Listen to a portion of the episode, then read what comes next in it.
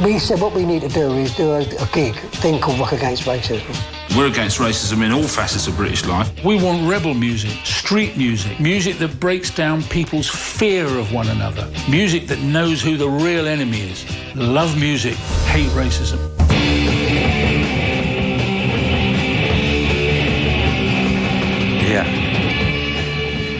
Het fragment is dit uit de trailer van de film White Riot. Een film die vanaf aanstaande donderdag in de bioscoop te zien is... en is vernoemd naar het nummer van de punkband The Clash.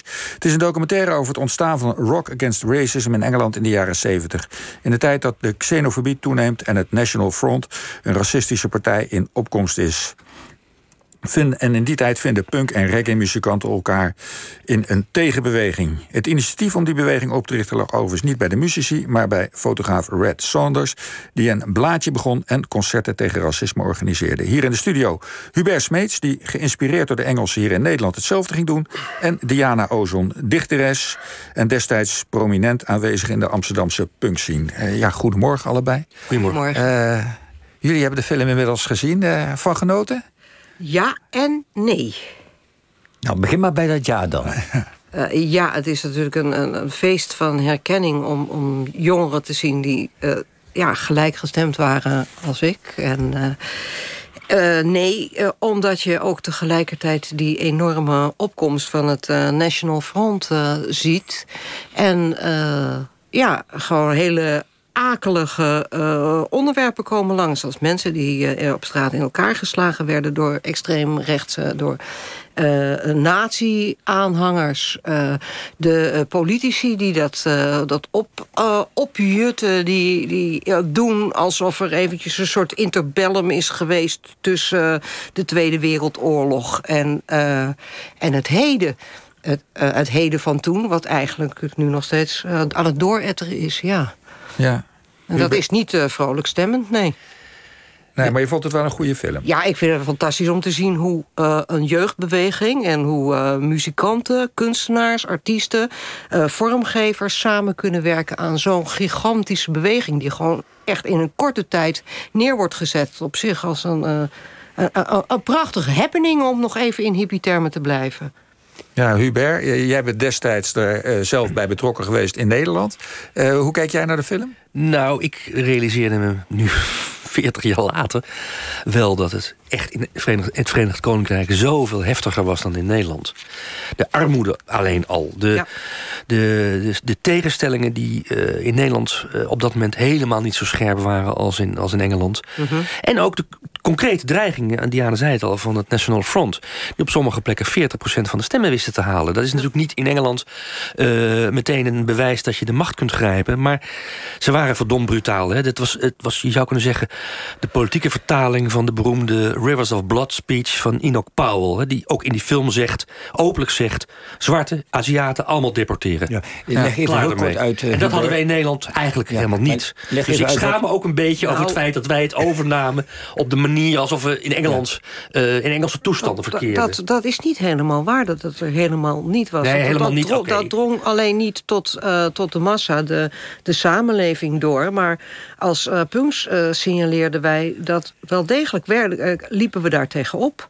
Uh, mensen als uh, Nederlandse Volksunie die punks uh, bier gaven... en ja. probeerden zieltjes te winnen. Skin, jonge skinheads op hun hangplek gingen opzoeken. toch wel vrij onbelangrijk vergeleken bij National Dat is waar, maar... maar even, even voor de duidelijkheid, dat National soort... Front... Even, sorry, de, ja, ja. Dat, dat, moet toch even... Dat, dat was een grote, grote extreemrechtse uh, ja. partij op ja, dat die, moment. Die gewoon openlijk pleiten voor deportatie van, uh, van iedereen die uh -huh. niet blank was. Daar kwam het eigenlijk op neer. Ja. ja. ja. En in, in, in, die zin uh, is er eigenlijk in ruim 40 jaar tijd... Uh, je hoort diezelfde geluiden nog steeds. We hebben nu Black Lives Matter. Uh, het, het is niet verdwenen, het geluid. Nee, dus maar de film is in die zin nog actueel. Dat, dat probeer ja. ik te zeggen. Ja. Er is misschien nu wel meer reden voor dan toen. In Nederland. De, de, de, als je ziet naar, als je naar, kijkt naar de Engelse politie, mm -hmm. dat is gewoon in, in, in 1977, 78 gewoon diep doordezemd met, zoals we het dan tegenwoordig noemen, institutioneel racisme. Ja. Um, en dat, dat is toch wel een schok als je daar nu naar kijkt. Dan ja. denk je van ja, dat, uh, dat was geen grapje. Dat was geen folklore. Ja, wat ik wel een schok vond toen ik het zag, want dat wist ik helemaal niet, was dat, dat, dat uh, oude blues-rockmuzikanten eigenlijk de aanleiding waren om dit te beginnen. Ja, en, geen positieve. Nee, Eric Clapton die was waarschijnlijk in een van zijn slechte alcoholische uh, drugsbuien. Dus die had ooit geroepen dat. Uh, uh, dat, uh, de, dat hij voor, voor white power was. Dat hij Enoch Powell gelijk had. En, dat ja. Enoch Powell gelijk had met zijn ideeën over deportatie. En dan had je nog uh, David Bowie. Hoewel je dat ook best als een ironische opmerking zou hebben kunnen zien. Die in een interview had gezegd dat Engeland rijp was voor het fascisme. Uh, en dan had je natuurlijk Rod Stewart. De, Rod? Rod Stewart. Ja, ja, Rod. Ja, ja. Die, uh, die ook um, um, pleitte voor een politiek à la National Front. En dat was voor een deel van die uh, Rock Against Racism beweging... die niet a priori politiek was, een, een reden om te zeggen... we moeten muziek en politiek verbinden. Want als onze helden, Rod Stewart... Mm -hmm. een, een van de mensen in de film zegt ook... dat hij daarna nooit meer een plaat van Rod Stewart heeft opgezet. Als een plaat had hij weggegooid. Ja. ja, uh, uh, om dat te verbinden en die nieuwe beweging, New Wave, punk, uh, die opkwam. En ook trouwens, niet te vergeten, de reggae die, en de ska die in, in de tweede helft jaren zeventig opkwamen. Om die met elkaar te verbinden tot een beweging waar de politiek en de muziek wel gezamenlijk zouden kunnen optrekken. Dat is eigenlijk het basisidee. Ja, want die New Wave en die punk die je toen had, die was eigenlijk in het begin nog niet zo direct heel zichtbaar gekleurd. Hè. Die, die, die, die was anti-establishment, zoals we daarnet in het eerste onderwerp ook hadden. En anti-establishment kan de linker en de rechterkant op gaan. Uh, dat zie je in de film ook. Ja. Je hebt de, de skinheads die, uh, in, die in de film vooral toch eigenlijk gepresenteerd worden als aanhangers van het National Front idee. En als dan hun, hun beroemde band, waar ze allemaal achteraan lopen, Sham 69 van Jimmy Percy, als die zich uitspreekt voor Rock Against Racism, dan dan kantelt er iets. Dan zie je dat die beweging succes heeft en ook in staat is om, om het modern te zeggen in hedendaags taalgebruik, verbinding te leggen met de andere kant van de, van de scheidslijn. Ja, maar je ziet ook andersom. Maar laten we nog een, stukje, een klein stukje uit de film uh, laten horen waarin het gaat uh, over de Clash, oh, over dat nummer waar de film naar genoemd is. The Clash one of the most amazing bands. So we've taken the lyrics and printed the lyrics of White Riot, I Want a Riot of My Own. And this could get stuck up uh, as a complete individual poster. The right wing hijacked White Riot as a song because it was White Riot. They didn't listen to the lyrics. The White Riot is about the fact that wish the white people would riot like the black people do because, you know, we're not happy either. Ja, dit, dit nummer was dus kennelijk in die tijd voor zowel rechtse als linkse jongeren aantrekkelijk. Maar leg eigenlijk even iemand uit wat hij nou precies zegt eigenlijk. Ja. Hij, uh, hij uh, vertelt dat de de nazi-jongeren alleen maar luisterden naar het, de titel White Riot... en verder de hele tekst niet beluisterden. Dus helemaal geen idee hadden dat het in opstand komen was... van ook wij witte jongeren moeten als de zwarte jongeren... en de, nou, de Aziatische jongeren Groot-Brittannië is een gigantisch uh, rijk geweest. Al, dat is veel, vele malen groter uh, dan Nederland. Uh, dus het koloniale verleden, dat, dat, dat, kwam, dat kwam ook terug. En dan heb je dat racisme. En jongeren die zeggen, ja, we zitten in de moderne tijd. We hebben flower power, rock'n'roll en alles gehad. Kom op, wat is dit? En die komen in opstand. Het was ook zo dat zwarte jongeren, die werden gewoon... die moesten op tijd thuis zijn van hun ouders... omdat ze anders opgepakt konden worden. De zangeres van niet X-ray specs. Het was. Uh, uh, nou, de. Ik, ik kom erop. een zangeres die, die wordt, wordt opgepakt. En als de twee dames, die, die, die wordt niet naar het politiebureau gebracht... maar naar een warenhuis. En als de twee dames, dan zitten ze daar uren. Als die twee witte dames dan zeggen tegen deze getinte jonge... over deze getinte jonge vrouw... nee, dat is er niet dan wordt ze weer... Uh... Ze, werd, ze werd van beschuldigd dat ze iets had gestolen. Ja, maar dat, dat, was, dat was helemaal niet waar. Dat, dit was, zij, en, uh, en, en dit soort dingen. Een, andere, een zanger wordt gewoon langere tijd in de cel gehouden. En uh, we moeten ook in de cel overnachten. En hij heeft het niet gedaan. Hij wordt vervolgens veroordeeld. Hij zit maanden in de gevangenis. Dit was aan de lopende band werden door die fascistische politie uh, jongeren, want mogelijkerwijs als je op straat liep of als je op een bus stond te wachten, stond je te hangen uh, uh, als voorbereiding van een misdaad tegen iemand die je niet kende. En daar. En dat was dus het, het keerpunt waarop men zei... ja, dit is werkelijk te, te zot, want dit overkwam die witte hangjongeren niet. En daartegen werd ook geageerd. Ja. En uh, ja, dus uh, het, het, het, punt is dat uh, jongeren eindelijk samen gingen werken. En dat een van de dingen was natuurlijk... als je, als je uitgepogoed was met die harde muziek... dan was het lekker om met een blootje naar reggae te luisteren. in, in Engeland, ja, de, de, de Cariben... was ontzettend veel invloed natuurlijk van reggae en van ska. En uit, uit ska is op een gegeven moment ook uit relaxedheid reggae voortgekomen. Je heb je allerlei uh, crossovers krijg je met de, de Sex Pistols... die uh, met, ik geloof, de Don Letts samen gaan werken. Je hebt Sly en Robbie, twee Jamaicanen, drum en bass... die nou ongeveer de meeste ses, sessies ter wereld inmiddels hebben ondersteund. Uh, die, die crossover tussen verschillende muziekstromingen is, uh, is iets wat, wat jongeren gewoon. Het was, het was niet allemaal zo verzuild. Ja. Hubert, hoe was het hier in Nederland? Jij dacht, wat in Engeland kan, kunnen wij in Nederland ook. Ja. Vertel eens. Ja, het, het, was natuurlijk een, het was inspirerend, omdat die, uh, omdat die uh, zoals Diana zei, die fusion uh, mogelijk maakte. En omdat het mogelijk was om festivalletjes te organiseren... waar verschillende soorten muziek ja. op het podium stonden. Dat hebben wij toen gedaan voor het eerst in Paradiso. met, ja. een, met een vrij geestige line-up, als je daarnaar kijkt. We hadden Masada, dat was een, een, Molukse band. We hadden hadden Captain Coke, dat was een, eh, een beetje punkachtige band. We hadden uiteraard Ivy Green, de eerste punkband in Nederland uit Hazerswoude. Uh, bekend van de hit uh, I'm Sure I'm Gonna Make It. Ja, um, en een we van hadden, de beste Nederlandse punkbands was En we dat. hadden ook ja. Normaal, nota bene. Ja. Dat doet deugd. Uh, die met, met balen strooi, de, stro daar in, in Paradiso kwamen, gewoon om ons te pesten hoor. En te laten zien dat ze eigenlijk helemaal niks op hadden met ons idee. Maar toch, ze waren er allemaal wel. En dat, maar, was, dat, was, dat was wat wij mooi vonden. En wat je nu niet meer zou kunnen doen, denk ik. Want nu zou het al heel snel als toe-eigening worden gezien. Want laten we eerlijk zijn... Het waren, wij waren toch voor het algemeen... Uh, Simon Kool, uh, Annelies Knuttel, Martin Cleaver... de mensen die... Uh, nou, historic niet te vergeten, de, ja. de, de, zanger van The Workmates, ja, moet ik even noemen. Um, ja, wij waren wat, eigenlijk allemaal blanke, blanke burgermansjongetjes. Ja, want jij was het gaan doen vanuit, jij was toen uh, lid van de PSP. Ja, en, ik was lid van ja. de PSP en uh, ik, uh, ik was voorzitter van de PSP Jongeren, zoals het heette. En dat was wel een beetje een, een inspiratiebron in Engeland. Ook daar was er wel een politieke kant zat er aan dat Rock Against Racism.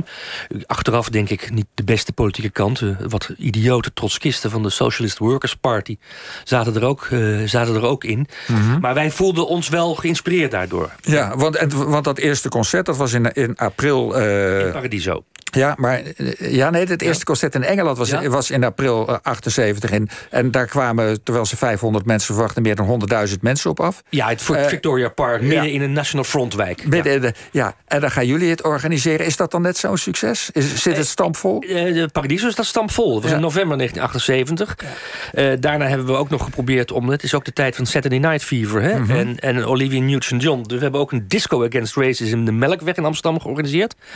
Met uh, Frits Spits, de disjockey. Daar uh, ben ik nog altijd heel tevreden over trouwens. Ja. Um, en um, uiteindelijk dachten we dat we het ook konden doen wat ze in Engeland deden. En toen zijn we naar het Amsterdamse bos gegaan. En daar gingen wij genadeloos het schip in. Daar kwamen tien mensen op af. Nee, er kwamen genoeg mensen, maar ze betaalden niet. Dat is één. En wij dachten dat ze dat wel zouden doen. We hadden geen hekken neergezet. We waren vergeten dat er uh, in Paradiso een groot uh, homo, homo, homo festival was. Met onder andere de punkband Tetje en de Flikkers. Um, uit Nijmegen. Uh, daar waren nog zoals bezigheden. Dus er waren wel mensen, maar we hadden geen geld. En toen ja. uh, zaten we in, de, en, in, en in het faillissement. Die bands moesten wel betaald worden. Ja. Die bands moesten wel betaald worden. We zijn toen enorm geholpen door, een, uh, door de, de programmaman van Paradiso. Die heeft ons eigenlijk door die hele dag geloodst. We hadden namelijk een heel mooi, mooi, mooi programma met de Gang of Four... en de Only Ones en Squeeze.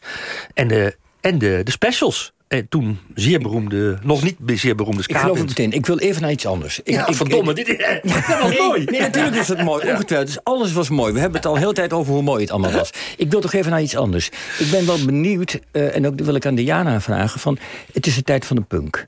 Uh, punk zien er vaak uit uh, agressief, gevaarlijk. Vleierij met extreem rechts, hanenkammen, et cetera. zat daar ook iets onder van... we willen ons imago een beetje oppoetsen, laten zien dat wij de goede linkse standpunten hebben. Want, want er werd, er werd toch een beetje flirtage met een bepaald soort cultuurtje, leek er te zijn. Hoe, hoe kijk jij daarnaar? Nou, uh, alle symbolen, het maakt niet uit welke, werden gebruikt om uh, te chockeren. Om een soort uh, totaalcollage te maken van de, de walgelijkheid van de maatschappij. Wat er zich daar allemaal in bevindt. Van fascisme tot en met trotskisme kwam bijvoorbeeld net langs nationalisme.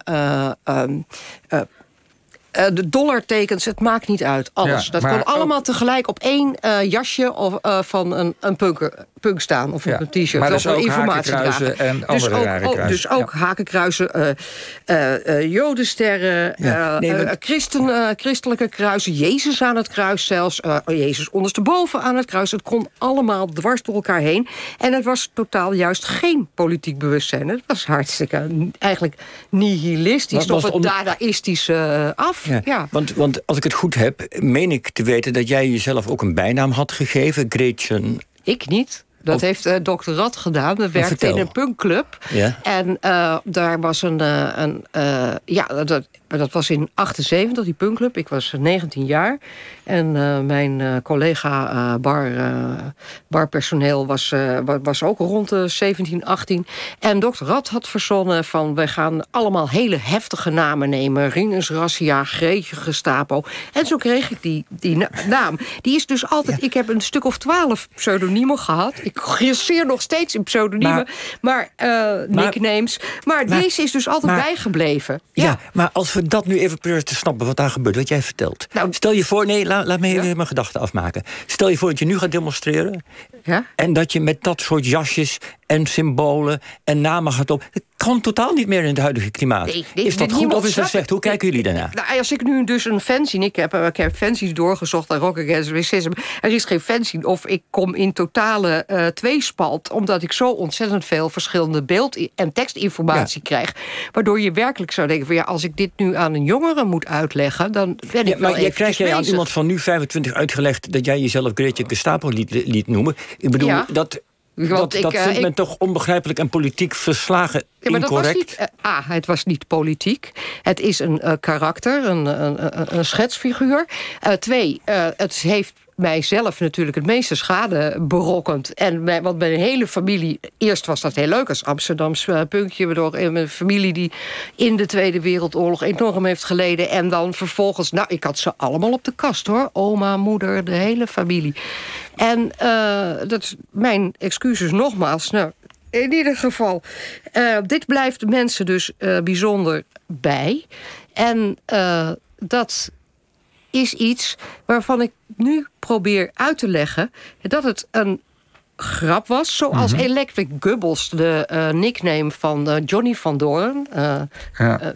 een schrijver, die columnist van VPRO Radio. Onder andere een dichter.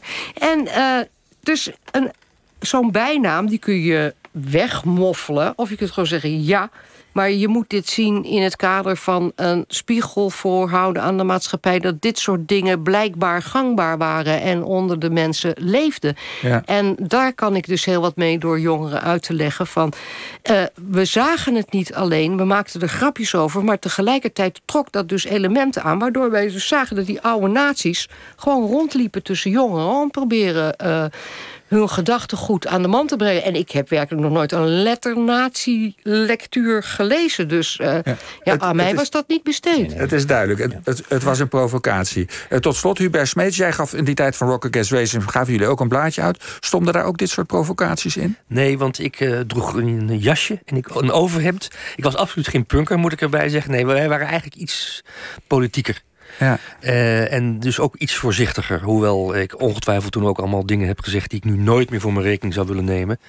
Maar uh, de punkwereld was voor ons eigenlijk, voor mij althans, uh, meer een theaterwereld dan mijn eigen levenswereld. Goed. Hartelijk dank voor jullie komst. En uh, nou, de film is dus uh, Rock Against Racism. Uh, of niet Rock Against Racism. White Riot is vanaf donderdag en in de kun je, kun je in leren hoe je een tegenbeweging kunt beginnen tegen de nazi's.